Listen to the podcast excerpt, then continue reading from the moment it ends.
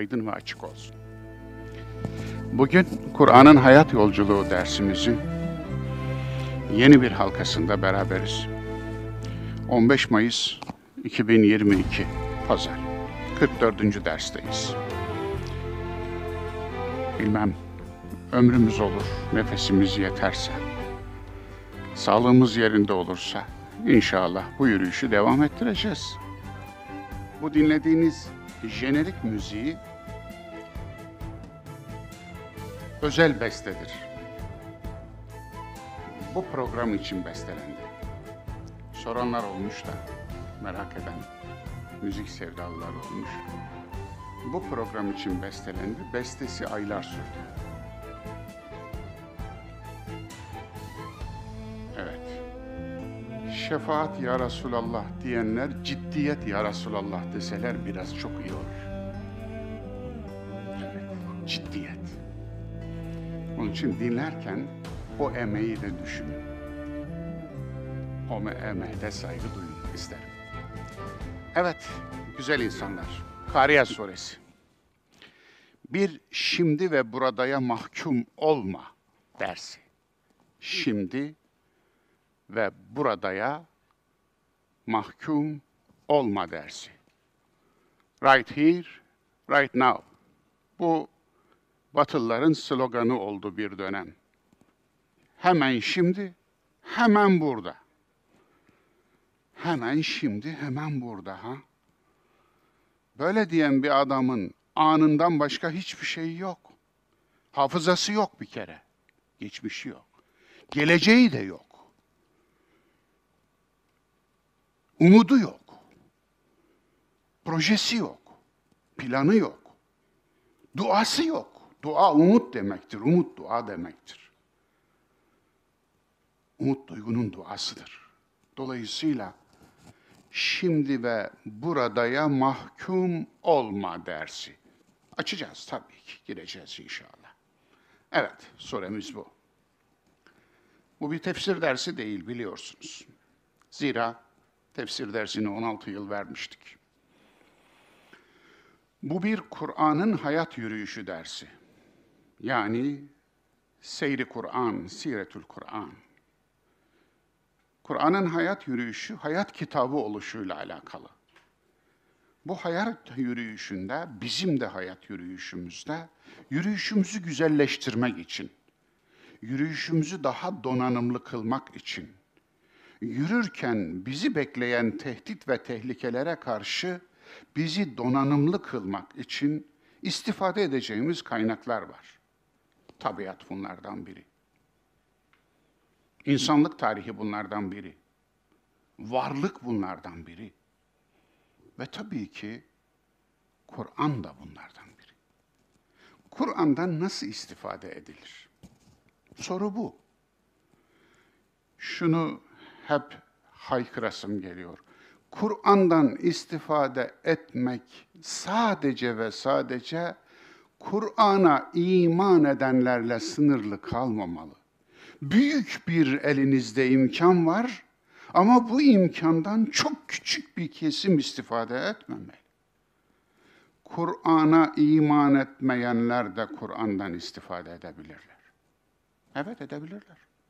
Onları ön yargılarını yıkmaya davet ediyorum. Kırmaya davet ediyorum.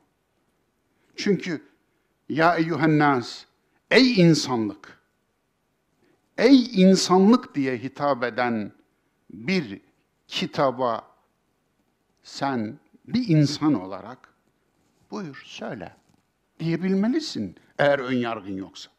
Söyle dinleyeyim diyebilmelisin. Ateist olabilirsin, deist olabilirsin, agnostik olabilirsin, Hristiyan olabilirsin, Yahudi olabilirsin, Budist olabilirsin. Her şey olabilirsin.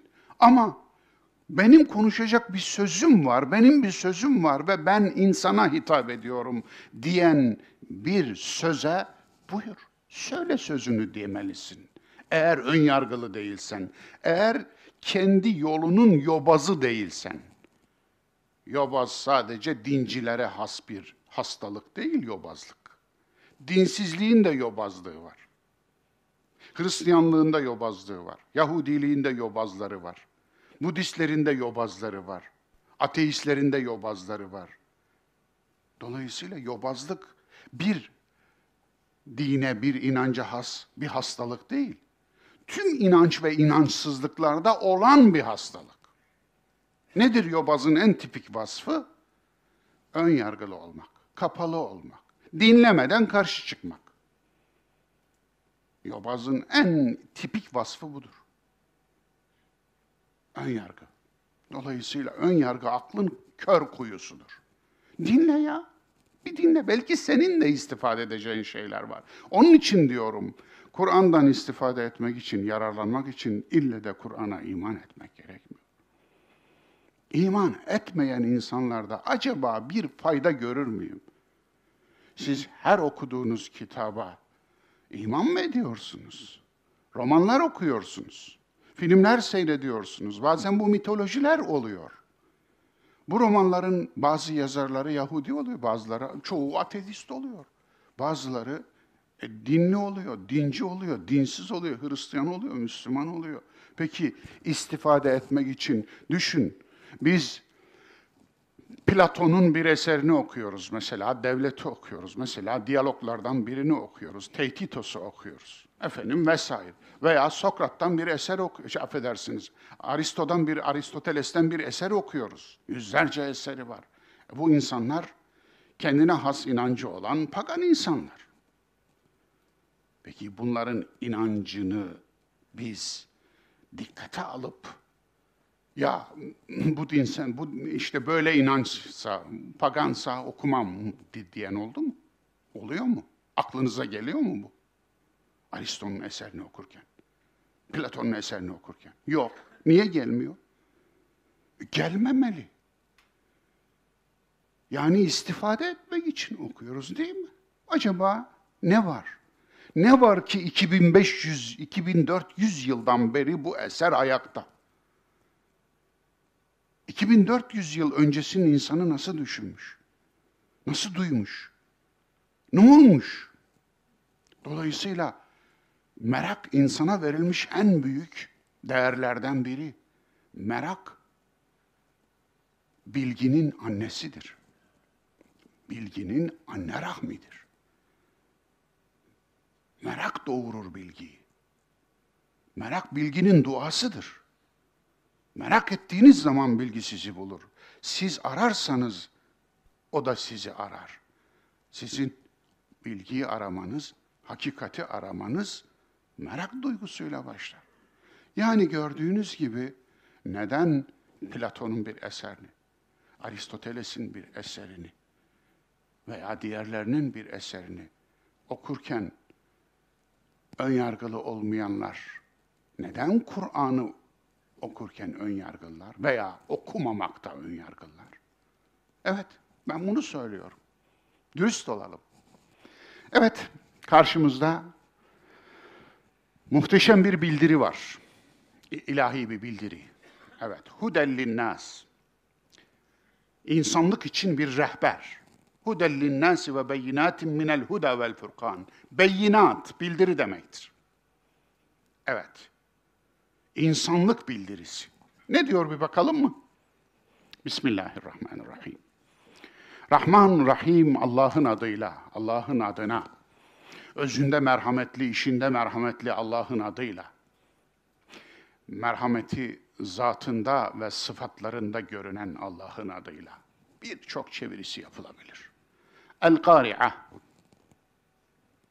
şok dalga, son vuruş, yoldaki en büyük kaza veyahut da yolun zirvesinde gördüğün imtihan, bela, musibet bu kelimenin e, etimolojisine inşallah dersin içinde gireceğim. Mel gari'a. Gari'a nedir bilir misin sen? İsmi failin müennesidir bu dişili. Yani öznenin dişili.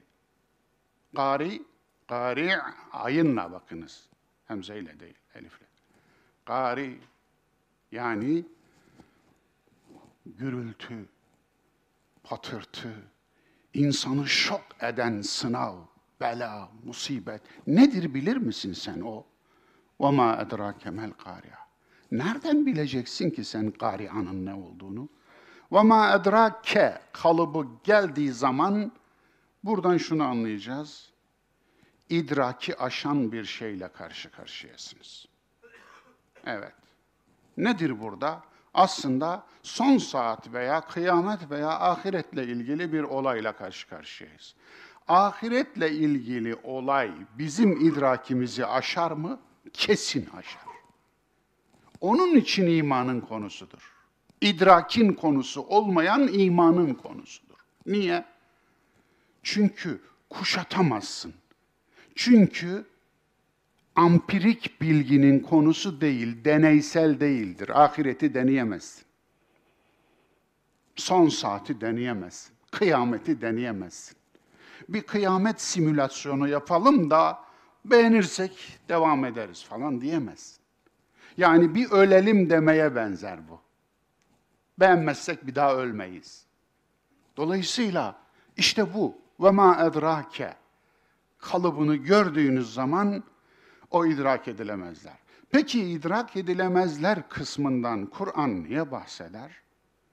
Çünkü insan merak eder. Varlık sorusu diye sorular vardır.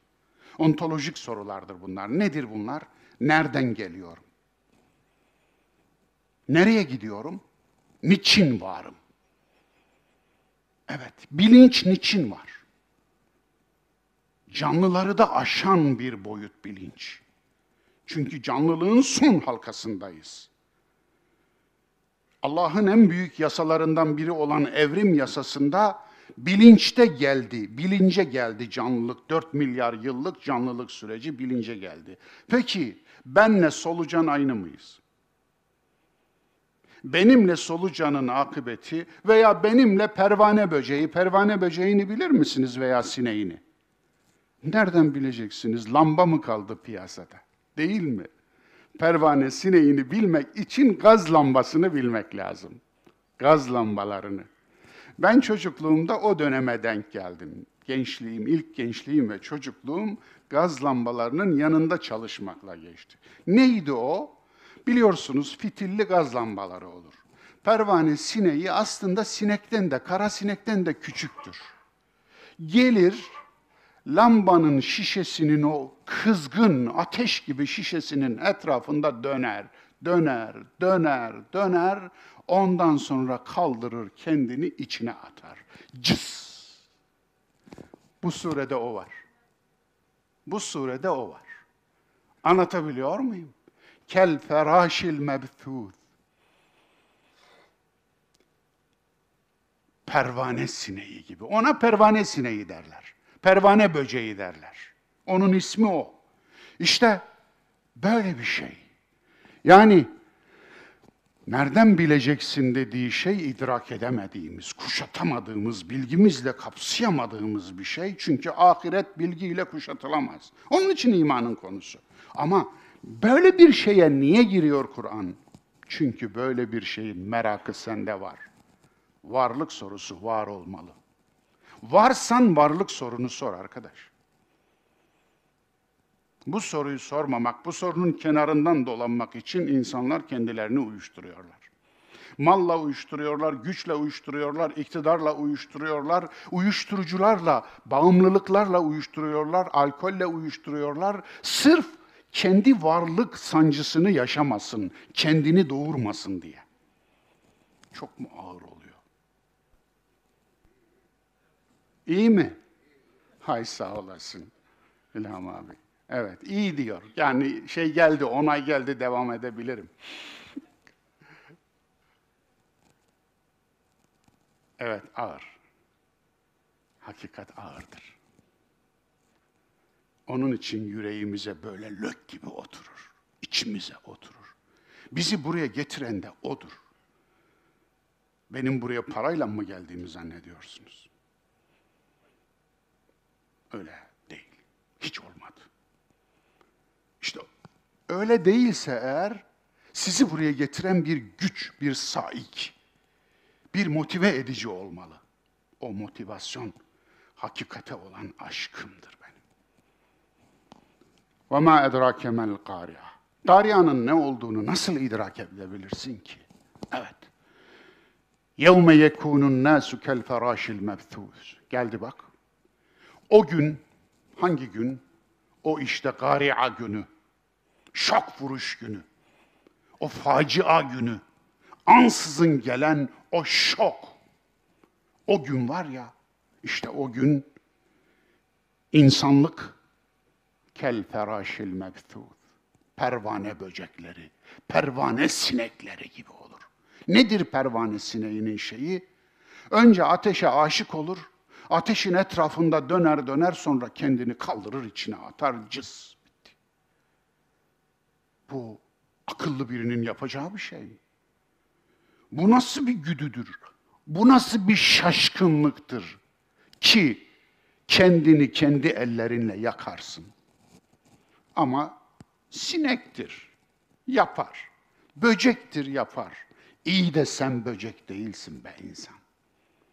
Sen sinek değilsin be insan. Kendini sinek yerine koyma be insan. Kendini böcek yerine koyma be insan. Hayat lambasının etrafında dönüyorsun ama gele gele ateşin içine koşuyorsun. Koşma be insan. Kendini yakma be adamım. Evet, bunlar amiyane tabirle meallendirmeler. Ve kel ihnil menfuş.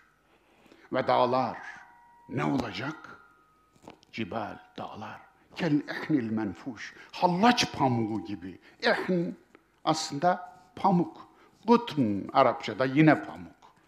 Ama Kur'an'da İhn aslında atılmış pamuk anlamına gelir. Pamuk hafiftir değil mi? Pamuğun da en hafifi ihndir. İhn. Dolayısıyla kel ihnil menfuş yani atılmış hallaç pamuğu gibi böyle havada bile uçuşan derecede hafif bir pamuk gibi atılmış olacaklar. Yani belki filmlerde görürsünüz böyle bir şeyi. Çok yüksek bir patlamada görürsünüz böyle şeyi. Belki de insanın pamuklaşması ancak atom bombasının atıldığı Hiroşima ve Nagasaki'deki buharlaşan insanlarla da tanımlanabilir.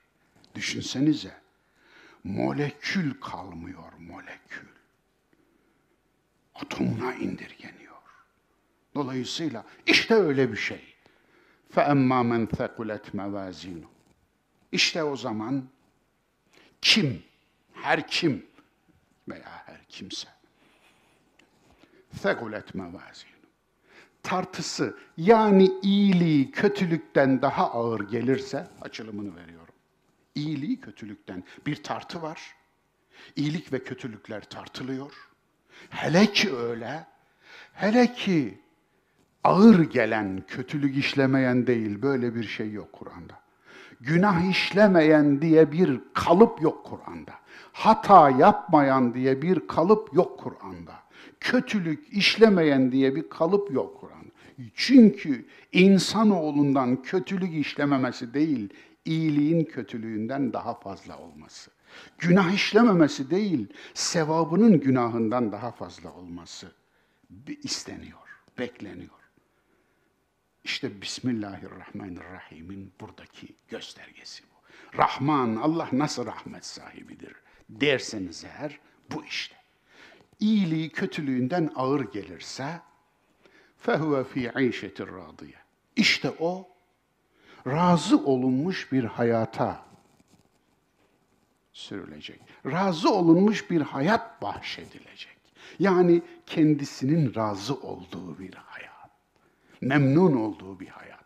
Hoşnut olduğu bir hayat. Sevindiği bir hayat. فَهُوَ ف۪ي عَيْشَةٍ رَاضِيَ وَاَمَّا مَنْ خَفَّتْ مَوَازِينُ Kimin de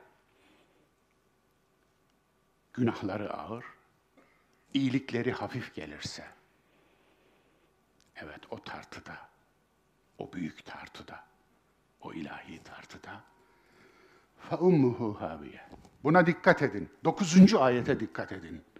Onun annesi haviye olacak, uçurum olacak. Evet.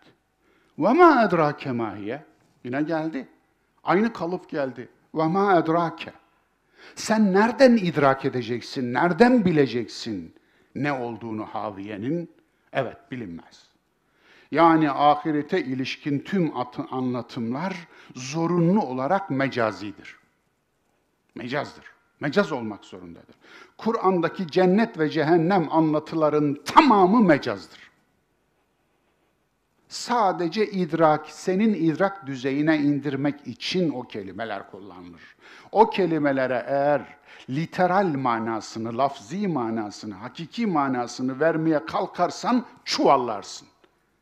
Hiçbir şey bilmiyorsun demektir. Söze dair, edebiyata dair, söz sanatlarına dair, mecaza dair, istiareye dair, sembolik dile dair hiçbir bir şey bilmiyorsun demektir. Bence Kur'an'da okumuyorsun demektir. Okuyamazsın bu halinle zaten. Onun için Kur'an öncelikle edebi metindir. Narun hamiye, bir ateştir. Ama bir ateştir. Bildiğin ateş değil demek bu. Niye? Bakınız, belirsiz gelmiş. Hani o İngilizce'deki the var ya, bunda da Arapçadaki onun karşılığı eldir. Artık el. Yani belirlilik takısı. Belirlilik takısı yok. Olmadığının en tipik e, şey, şeyi de bakınız, eğer en naru gelirdi. O el olmadığı için sonu tenvinli gelmiş. Narun gelmiş. O tenvin belirsizliğin alametidir. Ne demek bu? Belirsiz bir ateş. Yani aklının ermediği, şu anda dünyadaki herhangi bir ateşte karşılamayacağımız, karşılaştıramayacağımız bir ateş demektir. Hamiye, yakıcı, çok yakıcı. Evet. Bu iç ateşi olabilir mi? Vicdan ateşi olabilir mi? Gayet olabilir. Gayet olabilir. İnsanın yüreğinde tutuşmuş ateş olabilir. Gayet. Ömrünüzün en acı, en acı olayı ne olurdu? Herhalde bilmiyorum bana beş çocuğun altı torununla birlikte aynı arabada gittiler. Hepsi de sizlere ömür oldu. Bir haberi gelseydi.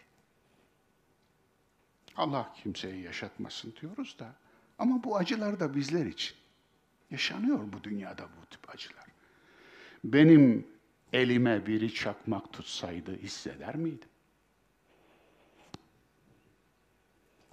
Hayır. Niye? İçimdeki ateş elimdeki ateşten daha fazla olduğu için. Değil mi? Yüreğim yanardı. Yüreğiniz yanarken elinizi hissetmezsiniz. Çünkü içinizin ateşi daha büyük ateş. Evet değerli dostlar, suremiz bu. Ben şimdi insem gitsem ne olur?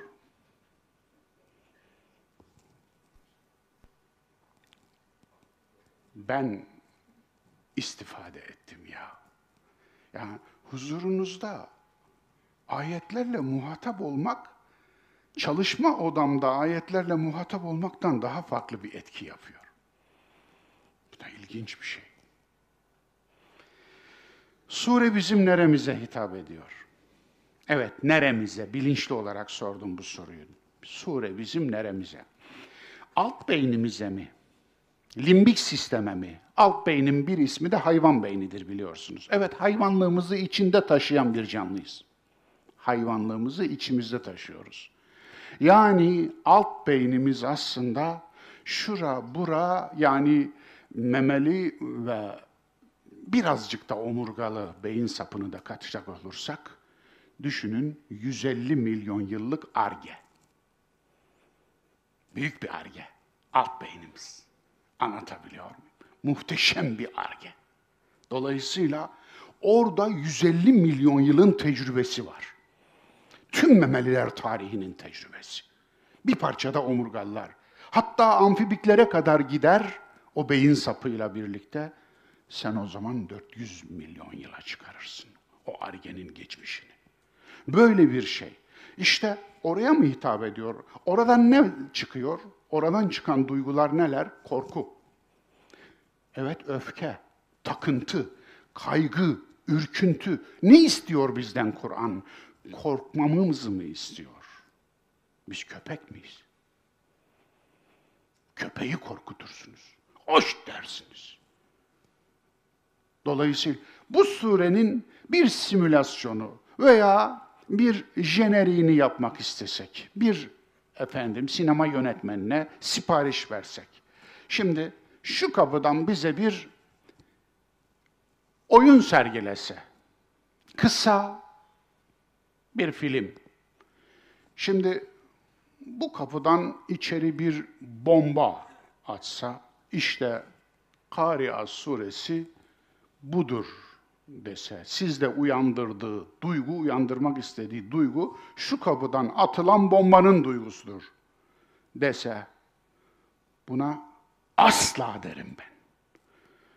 Bunu herhalde kim yapar?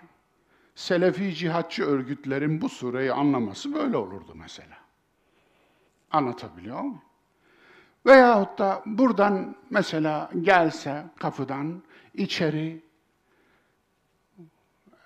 cennette düğün var Muhammed'in Muhammed'in diye devam etse. Anlatabiliyor muyum? Efendim? Gülüyorsunuz bak. Bu da tarikatçıların olurdu değil mi? Bu da dalga geçer gibi bir şey olurdu. Burada da anlam yok. İkisinin ortak noktası bu. Nedir? Limbik sisteme atıyorsunuz. Alt beyne atıyorsunuz. Alt beyne. Anlaşılacak bir şey yok, anlam yok içinde. Onun için alt beynimize hitap etmiyor bu. Biz köpek değiliz. Evet, alt beynimize hitap etmiyor. Biz sarhoş da değiliz. Halüsinasyon da görmüyoruz. Esrar çekmedik. Eroin çekmedik. Kafayı yemedik. Meczup değiliz. Peki neremize hitap ediyor? Üst beynimize mi? Evet. Anlamın peşinde. Anlam istiyor, anlamak istiyor bizden. Uyandırma, uyarma, uyanık olma, tedbir alma. Evet, bütün bunlar. Neye karşı uyarı peki?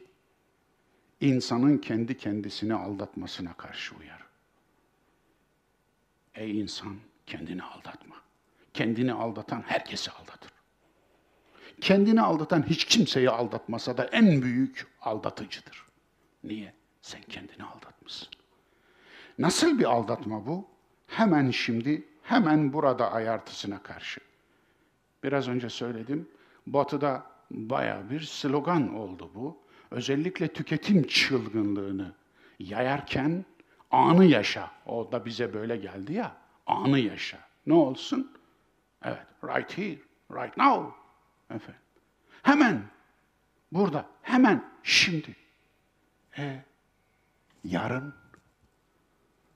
yarın akıbetini düşünmeyen bir insan insan olabilir mi? Tedbir almayan bir insan insan olabilir mi? Pikniğe gidiyorsunuz, tedbir alıyorsunuz. Nedir? Kibriti aldın mı? Ekmeği aldın mı? Tuzu aldın mı? Mangalı aldın mı? Köfteyi aldın mı? Yani ya pikniktir ya piknik işte o günlük bir şey yani. Almasan ne olur? Öyle değil mi? Dolayısıyla dışarı çıkıyorsunuz kışın hırkanı aldın mı? Ceketini giydin mi? Pardösünü giydin mi? Mantonu giydin mi? Bakınız. Yani tedbir alıyorsunuz. Pandemi oluyor. Maskeni aldın mı? Bakınız. Her hususta aslında bir tedbir alıyorsunuz. Trafiğe çıkıyorsunuz. Tedbir alıyorsunuz efendim. Bir sürü tedbir alıyorsunuz. Frene basmak bile bir tedbir. Bakınız. Selektör yapmak bir tedbir. Öyle değil mi? Sinyal vermek bir tedbir. Vesaire. Tedbir, günlük, anlık tedbirler bile alıyorsunuz. Ya koca bir önünüzde ömür ve o ömrün devamı Bir başka ömür. Tedbir olmasın. Evet. Amaç ne? İnsanı daha iyi insan etmek. Hepsi bu. Amaç bu. Bütün ayetlerin, bütün öğütlerin, bütün surelerin. Anı yaşamı felsefesi nasıl bir şey yani? Ne yapayım anı, anı, anı yaşayayım da ne yapayım? Aklıma gelene mi yapayım, geleni mi yapayım? Aklına geleni yapan nasıl insan olur? Yani aklına geleni söyleyen bir ağız insan ağzı değildir. Kulağına her değene inanan bir kulak insan kulağı değildir. Öyle değil mi? Diline her geleni söyleyen bir dil insan dili değildir. Dolayısıyla görüyorsunuz bizi insan eden aklımız, mantığımız. Evet, tedbir almak için tedebbür etmek şart demiştim, geçtim onu. Tefekkür, tezekkür, tedebbür, teakkul, tefakkuh üzerinde de durmuştum. Kariya. Kariya kelimesi çok ilginç. Yolla ilgili etimolojisine baktım ben. Evet, Ahmet el-Ferahidi'nin Kitabul Aynı, Arap dilinin ilk lügatıdır. Evet, İbn Düreyd'in Cemherası efendim ve tabii Ebu Hilal el-Askeri'nin o muhteşem etimoloji lügatı. Bütün bunlara baktığımda bu kelime yolla ilgili. Yolun en tehlikeli tarafı. Yolun uçurum olan en zirve tarafı. Mesela bir adım daha atsanız aşağı, yüzlerce metre aşağı yuvarlanacaksınız. Veya çölde bir yol düşünün, tepenin üstünde. Öyle basıyorsunuz, ayağınız kuma gömülüyor. Çünkü çölde tepeler yürür, kum tepeleri yürür. Rüzgarda kum tepeleri günde birkaç metre yürürler. Bugün gördüğünüz tepeyi iki ay sonra yerinde bulamazsınız mesela. Dolayısıyla çöl yolcusunu düşünün. İşte orada öyle bir yere basıyorsunuz ki kum sizi yutacak. Cehennem oluyor o yol sizin için. Yani böyle, böyle bir şey düşünün. İnişte 22. sure bu sure. Evet 22. sureye gelmişiz. Kureyş ekonomi insanı suresi ile ilişkisi var. Nedir? Hani Kureyş suresinde لِإِلَافِ قُرَيْشٍ إِلَافِهِمْ رَحْلَةَ الشِّتَاءِ وَالصَّيْفِ Geçen ders ele almıştık Kureyş suresini. İşte o surede homo economicus demiştim. Ekonomi insanı. Ekonomi insanına hitap ediyor demiştim. Yani ey ekonomi insanı helak olacaksın. O insanla şimdi bu surenin verdiği mesajı şey yapın. Yani kendisini sadece ve sadece almak ve satmak için yaşayan, sadece maddi kazanç için yaşayan bir tip düşünün. Bu tipe hitap ettiğini düşün. Evet, o zaman anlayacaksınız. Yolun en tehlikeli yeri depremin parçaladığı yol, facia, kaza yeri, son saat, efendim, her tüm manaları içine barındırır. Tehdit mi, korkutma mı, sindirme mi, yıldırma mı? Hiçbiri değil. Uyarma, uyandırma, hesabı verilecek bir hayat yaşa dersin. Evet, ahirete iman etmenin bir numaralı, bir numaralı amacı nedir? Hayatı verilebilecek bir hayat yaşa. Hesabı verilebilecek bir hayat yaşa. Budur. Hesabı verilebilecek bir hayat yaşa. Allah korkusu, Allah korku ilahı mıdır? Evet. Allah yakar, Allah taş eder. Zihniyeti nereden kaynaklanıyor? Biz bunlarla büyüdük. Bakınız. Bu bir işe yaradı mı? Doğu toplumlarına, Müslüman şart toplumlarına bakın. Allah'la korkutmanın hiçbir işe yaramadığını görün. Hiçbir işe yaramadığını toplumda görürsünüz. Niye? Allah'a inanıyor ama Allah yokmuş gibi yaşıyor. Bazıları da vardır Allah'a inanmazlar ama Allah varmış gibi yaşarlar. Bu annesinin sözüydü biliyor musunuz? Evet. Birçokları Allah'a inandığını söylüyor ama Allah yokmuş gibi yaşıyor. Ben Allah'a inanmıyorum ama Allah varmış gibi yaşıyorum. Nasıl bir şey bu? Nasıl bir şey bu? Evet. Biz kendimiz olmayan, kendimizden olmayanı insan yerine koymayız biliyor musunuz? Biz kendimizden olmayana ahlaki davranma zorunluluğu hissetmeyiz biliyor musunuz? Biz kendimizden olmayanın hakkını yemeyi anamızın hakkı gibi görürüz biliyor musunuz?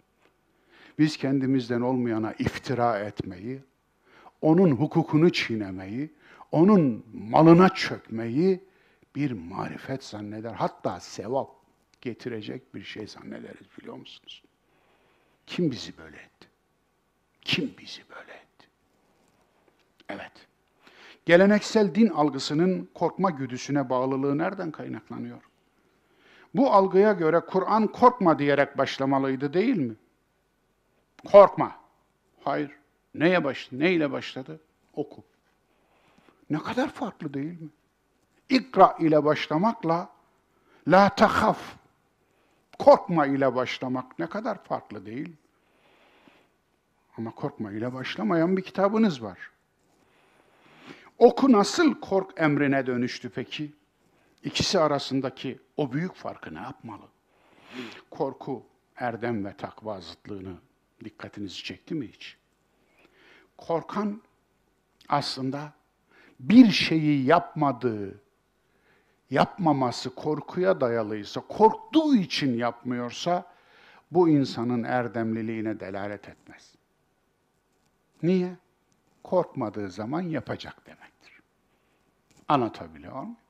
Buna erdem denmez ki dostlar. Korkmadığı zaman yapacaksa buna erdem denmez ki.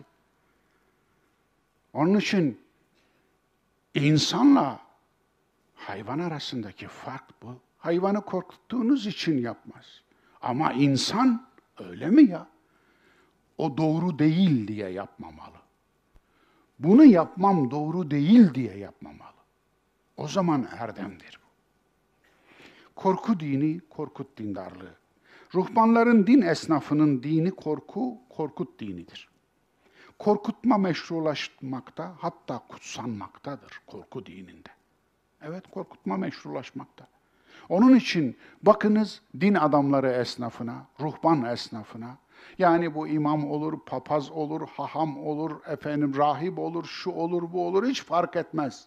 Nedir? Daima ve daima tahakküm. Dindarın dinini başında bir balyoza çevirmek, onun tepesine vurmak. Sürekli, sürekli tepesine. Niye böyle?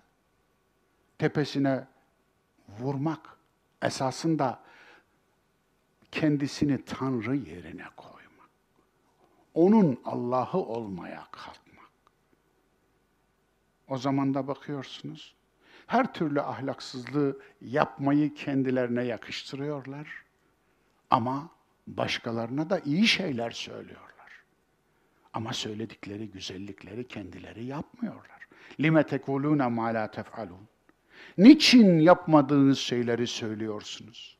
Niçin söylüyorsunuz da yapmıyorsunuz? Keburamaktan endallahi en tekulu ma la tef'alun. Yapmadığınız şeyleri söylemeniz Allah nezdinde çok büyük bir vebaldir. Diyen ayete selam olsun. Evet. Haçlı seferleri, din savaşları, kutsal terör, cihadizm, cihatın bununla bir alakası yok. Cihat bu değil. Cihat aslında nedir biliyor musunuz? İnsanların arasındaki engelleri kaldırmak için var gücünü harcamak. Bir insanın yüreğini daha güzelleştirmek. Bir insanı çöktüğü çukurdan çekip çıkarma çabası. Çaba demek zaten. Cehd, iştihat aynı kökten gelir. Gayret. Beşir ve nezir yerini havf ve reca nasıl aldı? Değil mi? Duymuşsunuzdur, çok duydunuz. Beynel havfi ve reca. Nedir? Korkuyla umut arasında. Bu kimin sloganı?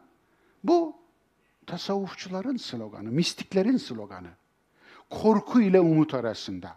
Peki Kur'an'da siz bu sloganı hiç duydunuz mu? Buna yakın bir şey duydunuz mu? Hiç duymazsınız. Peki Kur'an'da ne var? Kur'an'da ne var? Beşir ve nezir var. Eyvallah. Hem de peygamberin sıfatıdır bu ikisi biliyor musunuz? Beşir ne demek? Müjdeleyici. Nezir ne demek? Uyarıcı. Müjde ve uyarı arasında, korku değil. Müjde ve uyarı arasında. İkisi çok farklı şeyler biliyor musunuz? Yani korkutma ayrı şey, uyarı ayrı şey. Eyvallah. Kur'an'ın formülü farklı demiştim. Gayb ve gelecekten haber vermek. Gayb, insan idrakini aşan hakikat. Evet, gayb bu. Kur'an'da gaybdan söz eder. La ya'lemul gaybe illallah. Gaybı Allah'tan başka bilmez denilir. Peki gayb nedir? İnsan idrakini aşan hakikat. Ahiret bir gayiptir. Cennet bir gayiptir. Cehennem bir gayiptir. Allah'ın zatı bir gayiptir. Anlatabiliyor muyum? Evet görüyorsunuz. Biz bunlara ne, yaparız? İman ederiz. İman. Niye? Çünkü elle dokunamayız. Koklayamayız. Göremeyiz. Ampirik bilgiyle yaklaşamayız. Yani deneysel bilginin konusu değildir bunlar. Laboratuvara alamayız, tahlil edemeyiz. O zaman nedir? Geriye iman kaldı. Gayb işte öyle bir şey. Çünkü gaybı Allah bilir. Son saat, kıyamet, ahirete ilişkin dil sembolik ve mecazi olmak zorundadır. Sembolik dille anlatılır bunlar. Onun için Kur'an'da gördüğünüz cennetle cehennemle ilgili tüm tasvirler sembolik dildir. Dramaturjidir. Sembolik dildir. Kel feraşil mebsus. Burada da var. Gördünüz. Nedir bu? Kelebekler gibi diyor değil mi? Pervane, pervane böceği gibi diyor. Kel ihnil menfuş. Hallaç pamuğu gibi diyor değil mi? Fekulet mevazinu. O da o da var bakınız. Yani kimin tartısı terazisi ağır gelirse. E terazi şimdi aklınıza hemen iki kefeli terazi veya dijital terazi mi gelecek? Veya kantar mı gelecek? Değil tabi. Eyvallah. Haffet mevazinu. Ummuhu haviye. Onun annesi cehennemdir, uçurumdur. Buradaki uçurum ne sizin bildiğiniz uçurum. Anne ne bildiğiniz anne. Narun hamiye. Buradaki ateş ne bildiğiniz ateş, ne yakıcılık bildiğiniz yakıcılık. Dolayısıyla buradaki tasvirler zorunlu olarak mecazidir. Ayetteki ve ma edrake mahiye. Evet. Buna ne demeli? Yani onun mahiyetini ne bileceksin sen? Ne bileceksin? İşte bu gayb olan ahireti bilgiyle kuşatamayız. Budur. Falan üstad kıyametin vaktini hesaplamış. Şarlatanlık yapmış. Hiç kimsenin ağzının payı değil. Onu neredeyse kendimden bile gizleyecektim ayeti var biliyor musunuz? Gayb üzerine zar atanlar, spekülasyon yapanlar, tezgah açanlar haddinizi aşıyorsunuz. Haddinizi aşıyorsunuz. Şarlatan ve sahtekar sözlüğü, keşif ilmi, keramet ilmi, ledün ilmi bu da o sözlükten işte. Eyvallah. Kur'an'daki son saat ve kıyamet sahneleri. Bir, şiddetli ve dehşetlidir. Evet, Kur'an'daki tüm kıyamet sahneleri alt alta dizildiğinde bunların ortak üslup özellikleri vardır. Bu özellikleri bendeniz sıralamaya çalıştım. Bir, şiddetli ve dehşetlidir.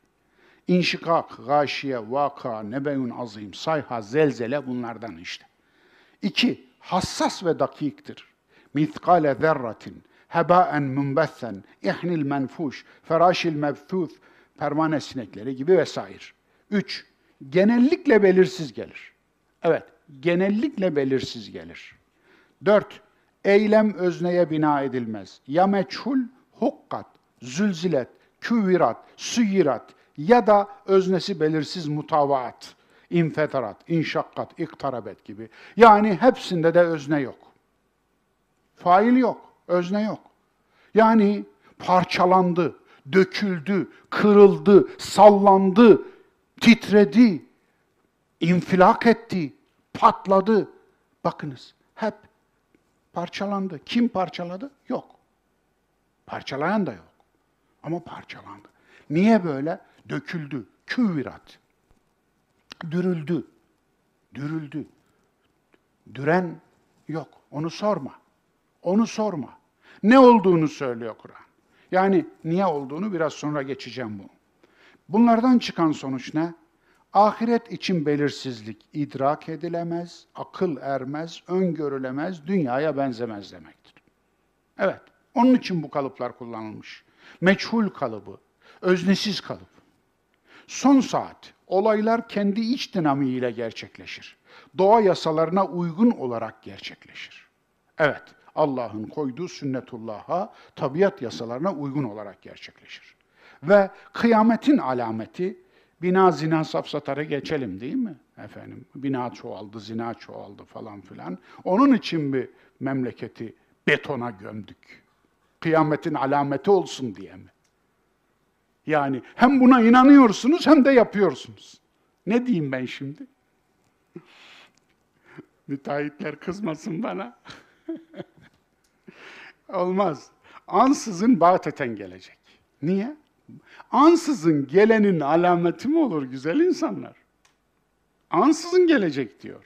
Bağteten. Ansızın gelecek olanın alameti olur mu? Yani ansızın gelecek diyorsunuz, ta oradan haber yolluyor, geliyorum diye. Olur mu? Dolayısıyla kıyamet alametleri bahsi gerçekten de kıyamet alametidir. Olmamalıydı, uydurulmamalıydı böyle bir bahis. Eğer Kur'an'ı Kur'an'ı birazcık dikkate alsalardı böyle bir bahis uydurmazlardı. Kim yaptı? Nasıl yaptı? Ne zaman yaptı gibi sorulara değil, alacağın derse odaklan. Onun için bu kalıplarda geliyor. Yani kim yaptı? Buna odaklanma. Ne zaman? Buna odaklanma. Hani ne zaman diye sormuş ya Allah Resulüne. Peki Allah Resulü ne cevap vermiş? Kıyametin vakti ne zaman? Ma a'dette leha. Ne hazırladın? Ne hazırladın? Ne kadar güzel cevap ya. Ne kadar harika cevap. Yani ne zaman olduğunu niye merak ettin ki? Ne hazırladın? Sen ona bak. Eyvallah. Entropi yasasının Kur'an'daki adı. Evet, kainatın yasalarını koyan Kur'an'ın indirenle aynı zatsa eğer ki biz buna inanıyoruz, o zaman entropi yasasını koyan da odur. Entropi yasası nedir? Tüm varlığın düzenlilikten düzensizliğe doğru geçişi. Evet. Yani varlığın düzeni bozuluyor. Düzenlilikten düzensizliğe doğru bir geçiş var.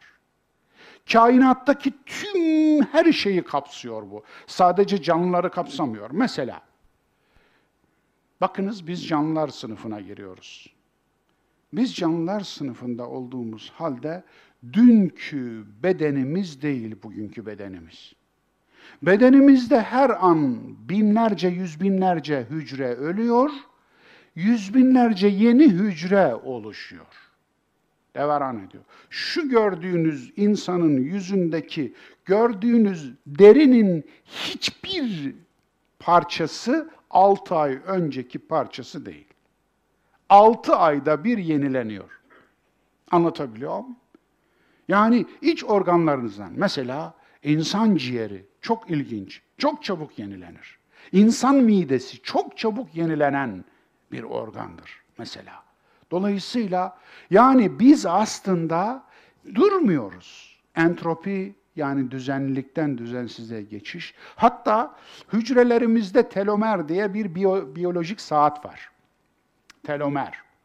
Telomer biyolojik saatimiz işliyor. Anlatabiliyor muyum? O saat tık tık tık tık işliyor. Mesela bir organ nakli yapılacak diyelim. Bir böbrek nakli yapılacak. Böbreğini aldığınız insanın yaşı diyelim ki 50. 50 yaşındaki bir insandan aldığınız böbreğin yaşı 50'dir. Anlatabiliyor muyum? Çünkü onun hücresindeki saat de işliyor. Telomer orada da işliyor. Dolayısıyla bu anlamda sizi oluşturan her parçanın saati işliyor. Bunu bilmeniz lazım. Yani varlıkta da düzensizliğe doğru geçiş var. Büyük patlama ile başladı diyorlar astrofizikçiler. Artık bu sabit, bu bir teori değil. Bu bir hakikat, bu bir yasa büyük patlama ile başladığı kainatın nereden bildiler bunu? Hubble teleskopu, teleskopuyla neyi yakaladılar? Kozmik arka plan fon ışıması diyorlar. Siz bu ışığı gördünüz. Tüplü televizyon, siyah beyaz tüplü televizyon zamanına ulaşanlarınız var değil mi aranızda? Hani o televizyonu kapanınca karlama dediğiniz bir olay var ya. Karıncalama. O karıncalamada ekranda gördüğünüz o ses de, o görüntüler de kainatın 13,8 milyar yıl önceki ilk patlamadan bugüne kalan fosil ışınlardır. Bah, Allahu Ekber. Belgesini bırakmış. Bunu keşfettiler. Bunu keşfettiklerinde işte kainatın yaşını hesapladılar. Anlatabiliyor muyum? Çünkü bu ışınların bozulma yaşı da var. Dolayısıyla onun kendine has bir hesabı var. Bunu yaptılar ve kainatın yaşını hesapladılar. Giderek de daha efendim dakik bir yaş hesaplamasına doğru gidiyoruz. Onun için eskiden 13,700 milyon yıl yaşında derlerdi. Şimdi 13,8. 13 milyar 800 milyona yakın bir yaş bu. Orada başladı. Bir noktacıktan, bir tekillikten ve büyüme devam ediyor. Şu anda kainatın bir ucuyla bir ucu arasındaki mesafe 93 milyar ışık yılı. Ey dedin ki Allah'ın Mustafa kulu 13 milyar 800 milyon yaşında kainat. Peki 93 milyar ışık yılı nasıl olur? 13 milyar. 93 milyar. Nasıl? Çünkü genişliyor. İlginç olan ne biliyor musunuz? Bu genişlemenin giderek hızlandığını tespit etti astrofizikçiler. Ve işte buradan yola çıkarak karanlık enerji diye bir enerjinin varlığını varsaydılar. Zaten belli değil çünkü karanlık diye onun için diyorlar. Ne bu? Ama bir şey kainatın genişlemesini hızlandırıyor. İşte buyurun. Entropi yasasına hepsi tabi. Mikrodan makroya. Termodinamiğin birinci yasasını biliyorsunuz değil mi? Enerji eşittir mc kare. Nedir bu? Enerjinin sakınımı, enerjinin korunumu yasası diye biliniyor. Yani enerji daima kainatta döner. Madde enerjiye, enerji maddeye. Çünkü onun için her katı madde içinde enerji. Dolayısıyla potansiyel bir enerjidir. Potansiyel bir enerji kaynağıdır. Bu. İkinci yasası da bu. Bu bir yasa. Termodinamiğin ikinci yasası, entropi yasası. Entropi yasası ölümümüzü de içine kapsıyor. Onun için ölmek zorundayız dostlar. Bu yasa gereği. Çünkü sadece canlılar ölmeyecek, canlılar ölümlü değil. Cansızlar da ölmek zorunda. En uzun ömürlü kainatta nedir diye sormuşlar bilim adamları. Cevabı şu, en uzun ömürlü protondur. Atomun çekirdeğindeki en kararlı yapı proton. Nedir? Nötron, proton, elektron. Atomu oluşturan unsurlar, parçacıklar. Proton biliyorsunuz atomların sayısı Mendeleyev cetvelinde proton sayısına göre verilir. Yani proton atomun çekirdeğindeki ana yapıcı. Protonun ömrü bile var biliyor musunuz? O bile yok olacak. Yani nedir peki? Kullu men aleyha fan ve yebqa vechu rabbike zul celali vel ikram. Her şey fanidir, baki kalacak olan Rabbinin zatıdır. Celal ve ikram sahibi olan. Kullu şeyin halikun illa vechhe. Kasas 88. Çok ilginç. Tabii ki Kur'an bir astrofizik kitabı değil ama bu ayetlerde bize bir şey söylüyor yani. Tam buna denk geliyor. Kullu şeyin halikun illa vechhe. Onun zatı hariç her şey helak olacaktır. Evet, kıyamet çeşitleri. Makro kıyamet. Evrenin kıyameti. Onu geçiyoruz. Evrenin bir sonu var dostlar. Başı olduğu gibi bir sonu da var. Dolayısıyla galaktik kıyamet, galaksinin kıyameti, bizim içinde bulunduğumuz Samanyolu galaksisinin.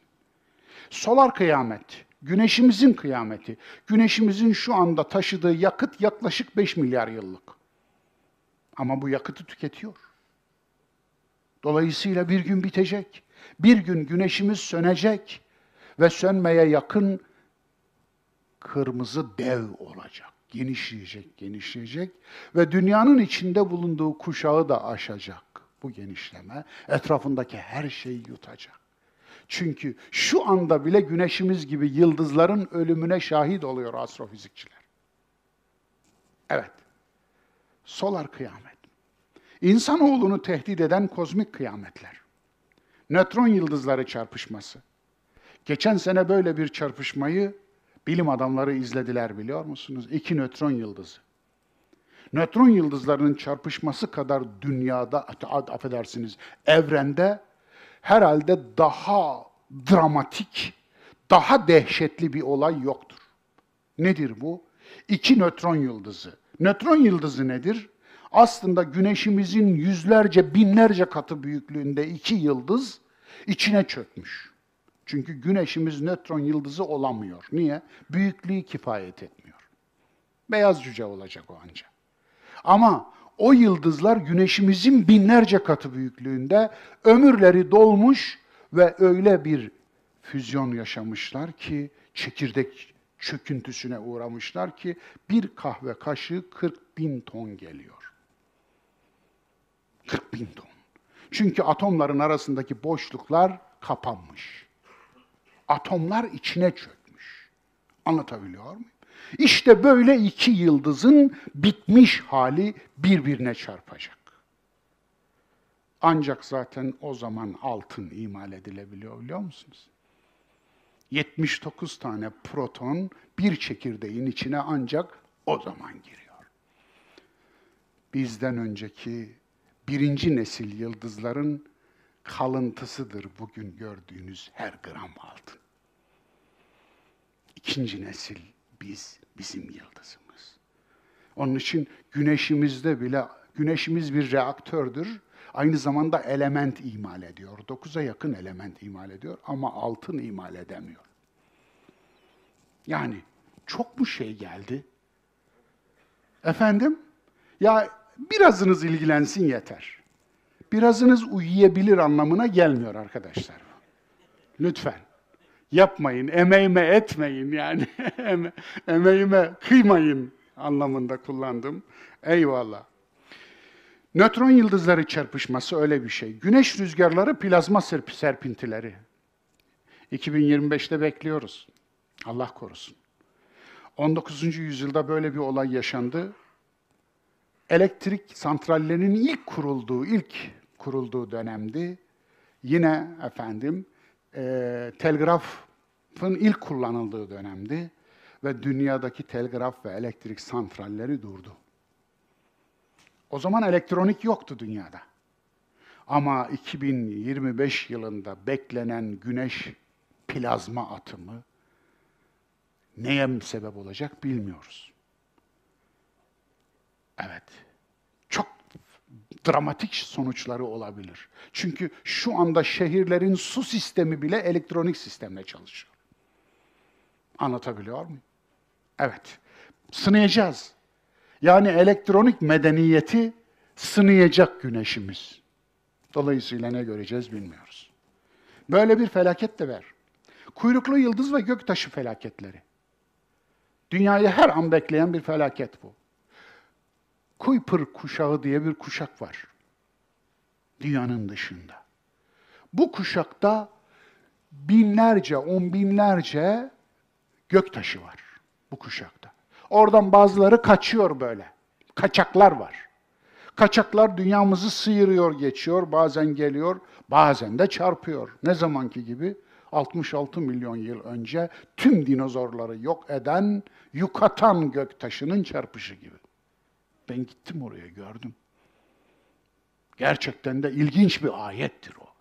10 kilometre çapında bir göktaşı geldi, yeryüzündeki tüm dinozorları yok etti. Yeryüzü onlarca yıl, hatta bin yıl derler, güneş yüzü görmedi. Düşünebiliyor musunuz? Onun için Böyle bir felaket yaşadı. Bundan sonra kaçıncı, ne zaman yaşar bilmiyoruz. Ama böyle bir felaket ihtimali hep var. Alın size bir kıyamet. Bir başka, süper yanardağ patlamaları. Olur mu? Olmuş ya. Onu da gittim gördüm. Nerede? Sumatra adasında gördüm. Efendim, Tobe Gölü Yanardağı diye meşhurdur bu ya. Bu da bu da ne zaman patladı? 86 bin yıl önce patladı. 100 bin yılda bir olduğunu söylüyor bilim adamları. Evet, yeryüzü doluyor, doluyor, içi strese giriyor ve birden patlıyor. Çıldırıyor. Ve işte o zaman da 9 yıl yeryüzüne güneş doğmadığı söylenir. Anlatabiliyor muyum? Böyle bir şey. Bu da bir kıyamet. Süper depremler ve tsunamiler, 9 ve 10 üzeri depremler ve tsunamiler. Bu da bir kıyamet, bir senaryo. İnsanoğlu eliyle gerçekleşecek kıyametler de var. Bunlar kozmik kıyametler ya da yeryüzü. Ama bir de insanın eliyle gerçekleşecek kıyametler. Küresel ısınma ve iklim felaketi. İşte buzullar eriyor. Elimizle gelen, göz göre göre gelen bir kıyamet var biliyor musunuz? Küresel çevre kirliliği, atıklar, kirlenme. Evet, bu kıyametler elimizle geliyor, elimizle de durdurabiliriz istersek. Eğer tabii adam olursak. Adam olmazsak mı? Şimdiden şarkısı bile yapıldı. 2050 yılındaki çocuklar elma göremeyebilir diyorlar. Ne diyorsunuz? Bundan 3-4 ders önce işlemiştim değil mi? Yeryüzünde topraktaki canlıların bazı bölgelerde yüzde 85 azaldığını, solucanların azaldığını ve uçan zar kanatlı böceklerin yüzde 65 azaldığını, tozlanma, döllenme tozlanma ile oluyor.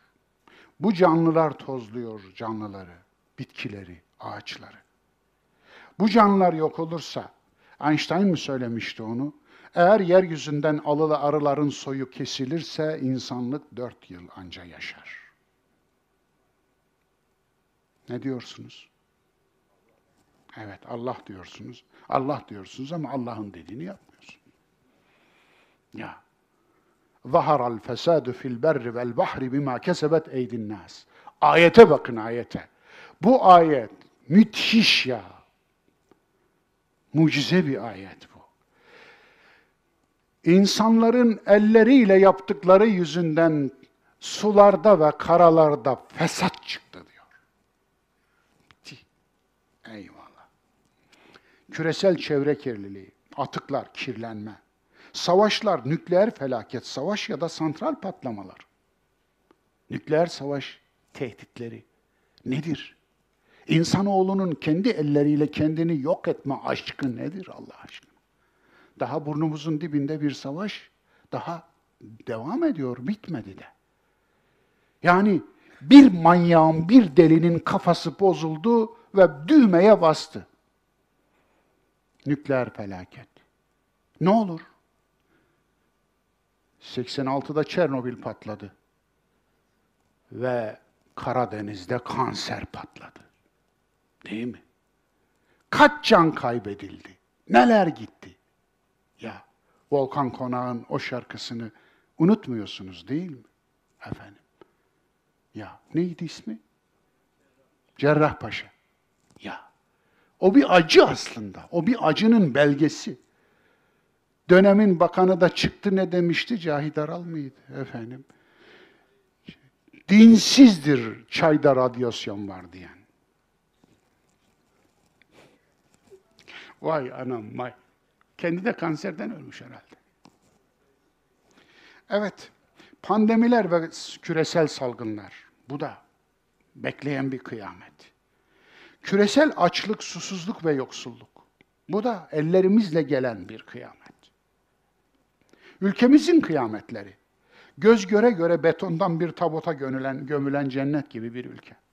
Bu da bir ellerimizle gelen kıyamet gelir dağılımının yol açacağı muhtemel sosyal kıyamet. Alın buyurun. Bu ülkede yoksulluk vardı ama açlık yoktu. Şimdi açlık da var dostlar.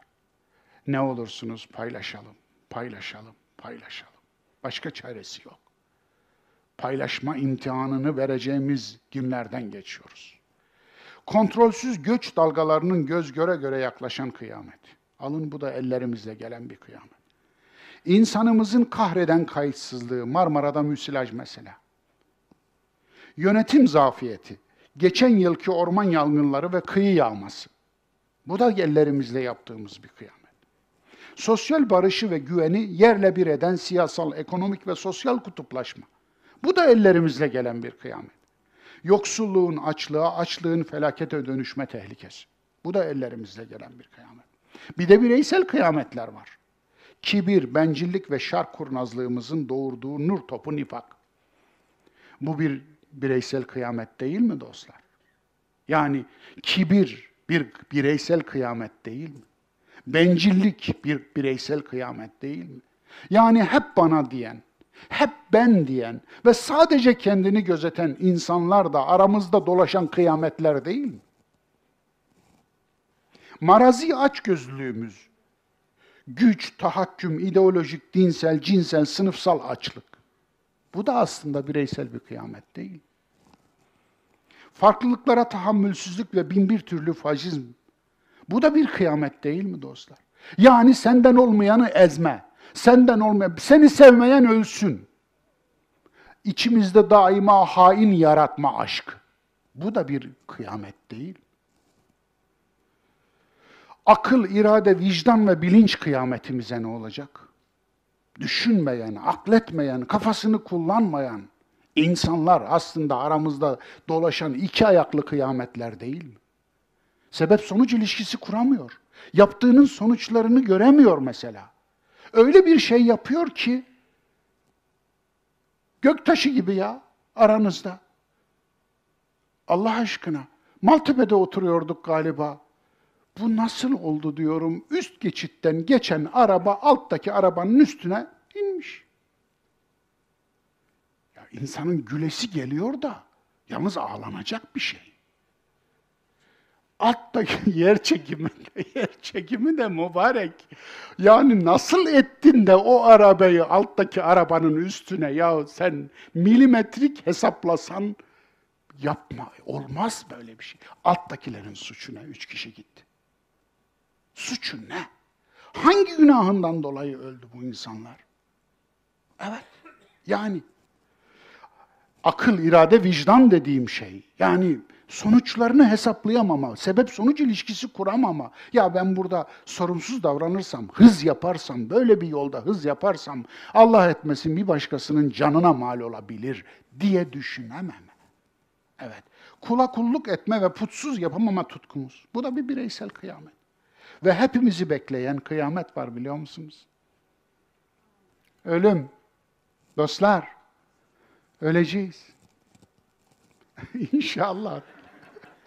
İnşallah demeseniz de öleceğiz. İnşallah demese, ne billah deseniz gene öleceğiz. Ama dostlar, şu hayatta, hayat güzel bir şey. Hayat bize verilmiş çok büyük bir nimet.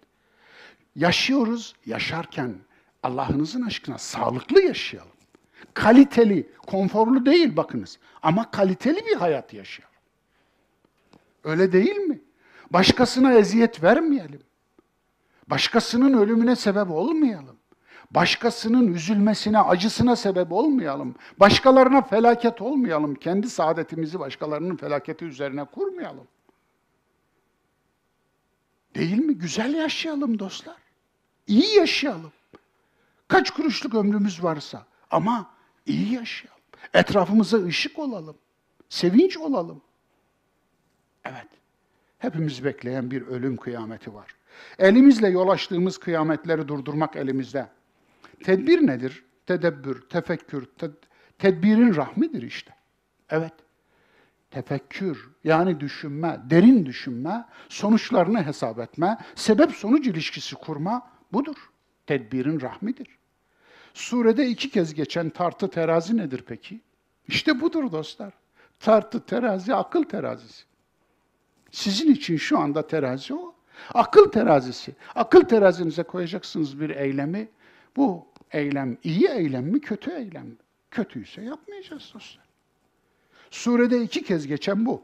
Doğal yasalar, fıtrat, akıl, irade, vicdan, ahlak, adalet, kanun, ilim, bilim, tecrübe, bütün bunlar, bütün bunlar gerçekten de bizim tedebbür, taakkul, tefekkür içerisine dahil ettiğimiz şeyler. Hakka riayet, çalmamak, zulmetmemek, paylaşmak, tahakküm etmemek. Bunlar mümin olmanın değil, insan olmanın gereği.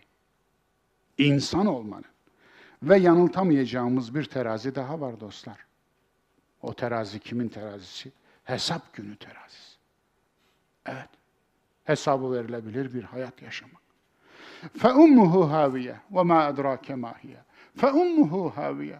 Onun annesi uçurum olacak diyor değil mi? Ve ma edrake mahiye. Onun mahiyetini bilir misin? Nedir o? Özünde nedir o acaba bilir misin? Narun hamiye.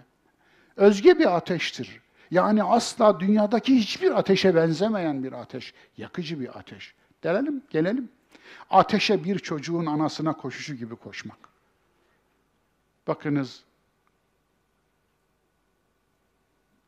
bu meali verirken o kadar, o kadar çok araştırma yaptım ki, herhangi bir tefsirde görmedim, mealde görmedim ve bunun dışında bir mealde içime yatmadı mealimi hazırlarken. Evet, ateş ananızı ağlatacak değil, ateş kendine koştuğunuz ana kucağı olacak. Yani insan öyle aptallıklar yapar ki kendini yakacak ateşin kollarına koşar. İnsan, insan böyle bir varlık. Kendini yakaşan, yakan ateşek, ateşin kollarına, ananın kollarına koşar gibi koşulur mu ya? İşte koşuyoruz. Biz insanlar koşuyoruz. Ateşi ana kucağı sanacak kadar kendinden geçen bir idrak hastasına dönüşür mü insan? Dönüşür. Güç başkasındayken adalet diye sızlanıp gücü ele geçirince zalimleşir mi insan? Zalimleşir. Kendini sınanmadığı tüm günahların masumu sanar mı insan? Sanıyor işte. Yoklukla sınavı verip varlıkta sınavdan fena halde çakar mı insan? Çakıyor işte. Cehennemi anası sanıp koşan bir tip düşünün. İşte bu ayette o tasvir ediliyor. Cehennemi anası sanıp koşan bir tip. Yani yapmayın diyor. Vahyin amacı rehberliktir dostlar. Vahyin amacı rehberliktir. Vahiy ne fizik kitabı, ne kimya kitabı, ne biyoloji kitabı, ne astronomi kitabı, ne efendim işte diğer bilimlerin kitabı. Vahiy rehberliktir. İnsana kendini ayna, kendi aynasını tutar. Böyle gö gösterir. Gör, seyret kendini, bak bu ayna. Evet. Kariya suresinin verdiği dersler. Anlam ve amacın peşinden git. Anlamsızlık ve amaçsızlık ölümdür. Zaman bilincine er. Zira farkına varmadığın şeyin değerini bilemezsin. Zamanın değerini bilemezsen zamanı da harcarsın. Çünkü zaman hayattır, hayatı harcarsın. Ömrünü harcama. Vaktini değerlendir. Zaman seni yönetmesin. Sen zamanı yönet. Evet. Hayatını planla. Otokontrol, disiplin, irade başarının sırrıdır. Ey insanoğlu, kibirlenme, ve küstahlaşma. Ey yöneticiler, nemrutlaşmayın. Kur'an'da Nemrut ve Firavun'un hayatı niye anlatılır biliyor musunuz? Yöneticilere, ey yöneticiler, nemrutlaşmayın, firavunlaşmayın. Kur'an'da şeytan niye anlatılır biliyor musun? Ey insanoğlu şeytanlaşma. Budur. Ey varlık sahipleri, karunlaşmayın, mütrefleşmeyin. Mütref ne demektir? Refahla şımarmayın. Refahla şımarmayın, servetle şımarmayın demektir. Evet. Ey bürokrat ve memurlar hamanlaşmayın. Kur'an'da hamanın anlatımından kasıt budur. Ey ruhbanlar ve din esnafı tağutlaşmayın. Tağut kelimesinin muhatabı din adamları diyen diyen sınıftır. Niye? Allah'tan rol çalmaya kalkmaları tağutlaşmaktır, haddi aşmaktır, tuğyandır. Tanrı'dan rol çalmayın. Ey insanlık, kainatın ömrü içinde senin toplam ömrün okyanusta damla değil. Öyle değil mi? Nedir ki yani? Yüz yıl yaşa, 150 yıl yaşa. Nedir ki yani? Bu kainatın ömrü içinde neye tekabül eder? Saniyeye tekabül etmez. O zaman yani kainatın ömrünün tüm ömrünü bir yaşında saysak, bir yıla indirsek, o bir yılın içinde bir saniyenin binde birine dahi denk gelmez mi? Ya. Evet, kendi türüne karşı zulme, haksızlığa, tahakküme dur de. Sana emanet edilenlere saygı duy, mülkiyet sanma, hakkını ver. Haydi hep beraber iyilik biriktirmeye az mı cezmi kast edelim. Mazlumun da zalimin de kimliğine kör kalalım. Kim olursa olsun mazlumdan yana olalım. Kim olursa olsun zalime karşı olalım. En çok ezilen, horlanan, zulüm gören, acı çeken kim ise onu ilk kalkındıralım, kaldıralım. Tutup onu kaldıralım. En zayıf değil mi? Ne demiş? Arap'ın anasına sormuşlar. Anacığım hangi çocuğunu çok seviyorsun?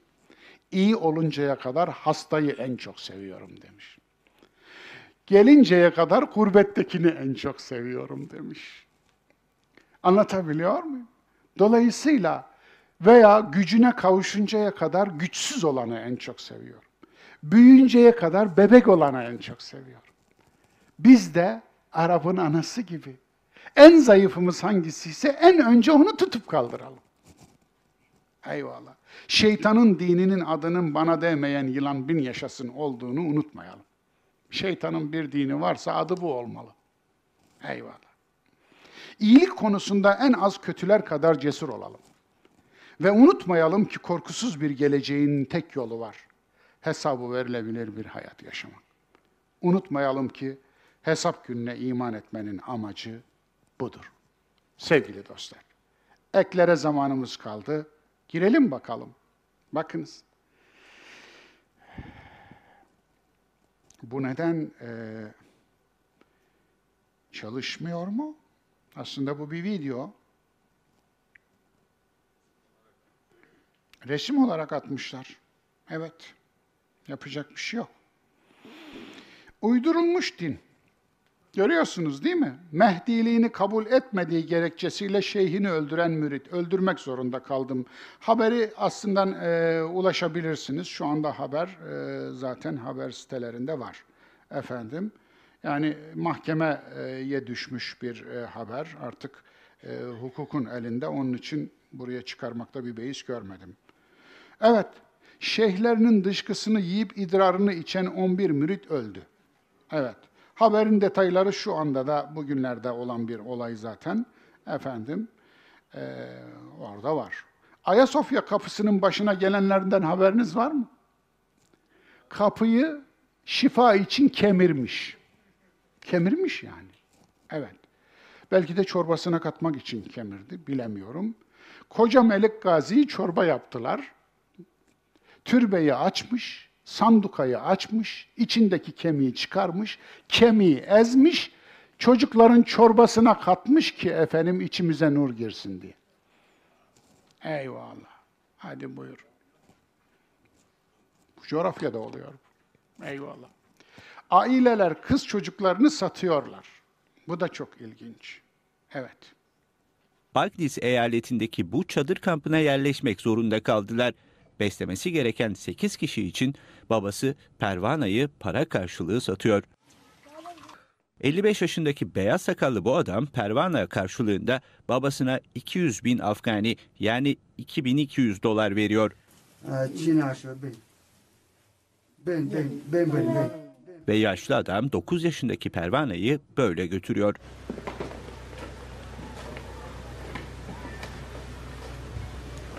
Afganistan'da çocuk evlilikleri yoksul ve kırsal kesimde yeni bir şey değil. Komşu eyalet Gor'daki bu aile de 9 yaşındaki Litan ve 4 yaşındaki Zaytan isimli kızlarını her birini 1000 dolar karşılığında satmaya hazırlanıyor. Kendi çocuklarımız var, torunlarımız var arkadaşlar. Onlar üzerinden düşünürseniz empati yaparsınız. Evet, nasıl bir şeydir? Yani bu öyle bir, iki, üç, beş bir olay da değil. Bu öteden beri bilinen bir şey. Evet. Evet, değil mi? Sağ sağlar lazım. Sağ sağlar lazım. 360 çocuğu tam gömülürken kurtardım diyor ya Resulallah. Ama bunu yaparken müşriktim. Tevhid ehli değildim. Müslüman değildim. Bilmiyordum. Bana bir şey var mı diyor. Bana bir şey var mı? Allah Resulü'nün verdiği cevaba ne dersiniz? Nasıl bir cevap vermişti? Tahmin edebilir misiniz? Evet. Evet. evet. Ente eslemde ala ma eslefte aleyk. İşte seni bugün Müslüman eden o gün yaptığın bu iyiliktir. Nasıl? Nasıl bir bakış açısı? Eyvallah. Yanmaz kefen satıcılarının yanıcıları, yancıları, ölük tedari- tedarikçileri. Arkadaşlar hatim duasına ismini yazdırmak isteyenler var mı? Arkadaşlar Allah'ınızın aşkına bu tedarikçilerin fırsat vermeyin.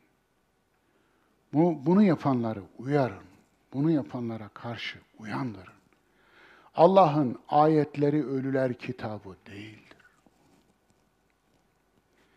Hep böyleydiler, hep böyleydiler, hep böyledirler, hiç şaşmaz. Geçen yıl din sömürüsüyle iktidarı ele geçirdikten sonra kız çocuklarına okulu yasaklayıp kadınlara hayatı cehenneme çeviren Afganistan yöneticilerinin kendi kızlarını Katar'da okula yolladıkları, kızlarının okul takımında futbol oynadıkları ortaya çıktı. Yani ben e, söyleşilerin aslını dinledim, izledim efendim. Hiç şaşmaz. Mısır'da da benzer bir olayı hatırlıyorum. Mısır Selefi Partisi lideriydi. Biliyorsunuz e, Sisi'yi, General Sisi'yi desteklediler efendim. Selefi Partisi liderinin bir fetvası oldu Mısır'da. Estetik ameliyat yapmak haramdır diye. Bir ay sonra burun estetiği yaptırdı. Estetik ameliyat yaptırdı. Efendim anlatabiliyor muyum? Yani hiç şaşmaz. Tabii haram maram değildir. Onu geçin siz efendim. Ama böyle haram uydurup ipe diziyorlar önce. Sonra da ilk ihlal eden kendileri oluyor. Dolayısıyla hiç şaşmaz bu tip şeyler. Onun için din uydurmamak lazım. Din uydurmamak. Din bizim değil, din Allah'ındır. Dolayısıyla sahibi vardır yani. Azıtılmış bir kedi değildir ki din.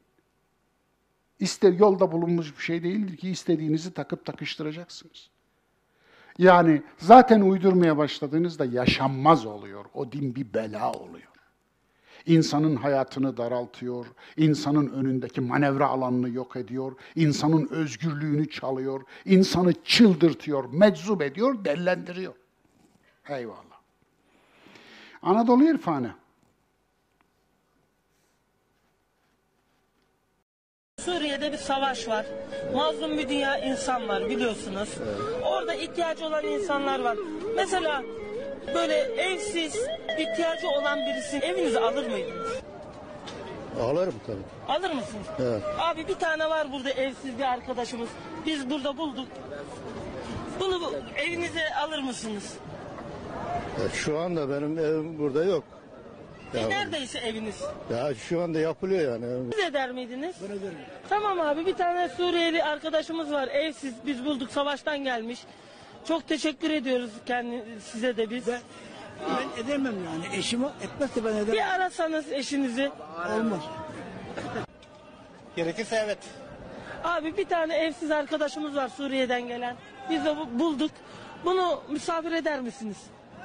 Selamun aleyküm abi. Aleyküm selam. Ee, evde kimse olmadığı için. Açardım. Niye aç? Abi bir tane Suriyeli var biz bulduk evsiz. Size çok teşekkür ediyoruz. Yalnız ben Antalya'da oturamıyorum. Diyarbakır'da oturuyorum. Ederiz tabii. Abi bir tane var burada evsiz kalmış. Önünde. e, b- b- yerimiz olsaydı ederdim. Evinizi açar mıydınız? Açarız canım. Abi bir tane var burada evsiz kalmış. Ama ben buralı değilim. Açardım. Bir tane var abi burada evsiz bulduk. Ama Evi yok. ben şu anda Korkuteli'deyim. açarım. Abla bir tane var burada Suriyeli evsiz kalmış. Size çok Kızlar var. Eşim yok. O yüzden ben sade erkek alamam. Açmaz olur muyuz? Açarız tabii. Niye açmayalım ya? Amca bir tane burada Suriyeli savaştan gelmiş evsiz. Selamun aleyküm abi. Aleyküm selam. Evinizi açar mısınız arkadaşlar? Ama şimdi müsait olursa ev açılır. Olmazsa aç. Evet, sorun burada tabii evi açma açmama değil efendim. Sorun efendim çocuğu görünceye kadar açarız tabii, dolmaz mı efendim falan. Yani hani şu reis bizi Afrin'e götür diyenler vardı bir zamanlar. Eski bir milletvekili ben Asal'dan, askere alma dairesinden arıyorum diye bunları aramış. Ağlayanlar, evleneceğim diyenler, şu anda düğün günüm geldi diyenler, ben sana para vereyim gitmeyeyim diyenler, rüşvet teklif edenler, efendim vesaire vesaire. Dolayısıyla mesele bu zaten. Yoksa alma, almama meselesi değil, dürüst olabilme meselesi. Burada sınav, dürüstlük sınav. Eyvallah. Çok ilginç, çok üzüldüm. Onun için huzurunuza getirdim. Zaten ayna olmak zorundayız birbirimize yoksa düzelemeyiz. Yani düzelemeyiz. Çuvaldızı kendimize batırmadığımız sürece düzelemeyiz. Ya ben Prag'a gittim. Prag'a gittim. Toplu taşımada kimse bilet sormuyor. Ama herkes biletini alıyor. Gitmeden önce araştırma yaparsın ya. Türkler forumlara bilet almadan binin ne de olsa soran yok yazıyor. Bizdeki sorun bu. Din var, ahlak yok. Oldu mu peki? Oldu mu peki? Osmanlı Devleti'nde en çok yolsuzluk yapan Rüstem, Rüstem Paşa'ydı. En çok cami yaptıran da Rüstem Paşa oldu. Evet. Evet, bu tabii yakışmamış paylaşan arkadaşımızın şeyi ama bu hanımefendi Finlandiya Başbakanı, terbiyesiz kadın demiş Sanna Marin, tır şoförü eşi Albert Marin ile başbakanlığa giderken utanma sıkılma yok mu diye sormuş. Evet. İroni yapıyor tabii. İroni yapıyor. Yani eşinin kamyonuyla başbakanlığa gidiyor. Evet. Kıskanmaz mı şimdi bizi? Evet, nolaydı hakikat körlerine takacak bir gözlük olaydı. Solda bir caminin abdest musluğunu görüyorsunuz. Sağda ise Kanada'daki bir metronun bozulan gişesini görüyorsunuz. Söyleyecek bir şey yok. Sözün bittiği yer. Ve işte bu son. ألف Alt yazıları lütfen okuyun. وأربعمائة عام ونحن نفسر ماذا قالوا ولماذا قالوا وماذا كانوا يقصدون ألف وأربعمائة عام من الصلوات والدعاء على اليهود والنصارى لتشتيت شملهم ولم يتبقى لنا شمل لتدمير أوطانهم ولم يتبقى لنا أوطان. لسبي نسائهم ولم تسبى إلا نساء المسلمين. ألف وأربعمائة عام من صلوات الاستسقاء والأمطار تغمر العالم إلا بلاد المسلمين.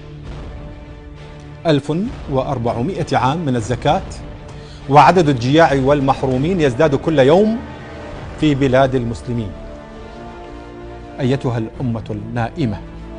إن من تصلون وتدعون عليهم وصلوا إلى الفضاء وناموا على سطح القمر وشطروا الذرة وجزأوا الثانية واخترعوا الثورة الرقمية وأنتم لم تفلحوا إلا بثورة الأعضاء التناسلية وتتدارسون حتى اليوم طريقة دخول المرحاض وماذا يفسد الوضوء وغير المرأة غير المرأة والكلب الأسود. وعندما اجتهد العلماء توصلوا إلى جهاد النكاح وسفاح القربى وإرضاع الكبير ووداع الزوجة الميتة. وكتبوا كتبا في الطريقة السليمة لنكاح المرأة والبهيمة. أيتها الأمة النائمة ألا يحق لعقولنا أن تتأثر بهذا الفيض من المعارف والعلوم والتكنولوجيا التي تحيط بنا؟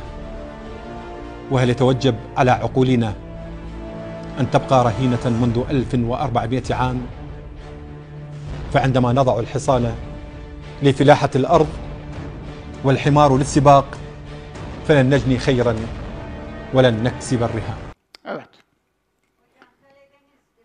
Eh, efendim hayır, olmasına da gerek yok. Akıl için yol birdir. Eğer akleder, fikreder, fıkh eder, vicdanını kullanır, iradesini kullanır ve uz bir görüşle, adil bir bakışla bakarsa zaten dünyanın her tarafında aynı şeyi görür. Evet. Evet değerli dostlar, bir dersin daha da sonuna geldik. Bizimle beraberdiniz, teşekkür ederim. Akleden kalbinize hikmet ve afiyet olsun. Bir dahaki ders, son dersimiz olacak bu dönem inşallah. Ekim'e kadar bir ara vereceğiz. Ekim'den sonra, Ekim'de inşallah yeni ders dönemimizde yeniden başlayacağız. Allah'a emanet olun. Bir dahaki derste görüşmek üzere.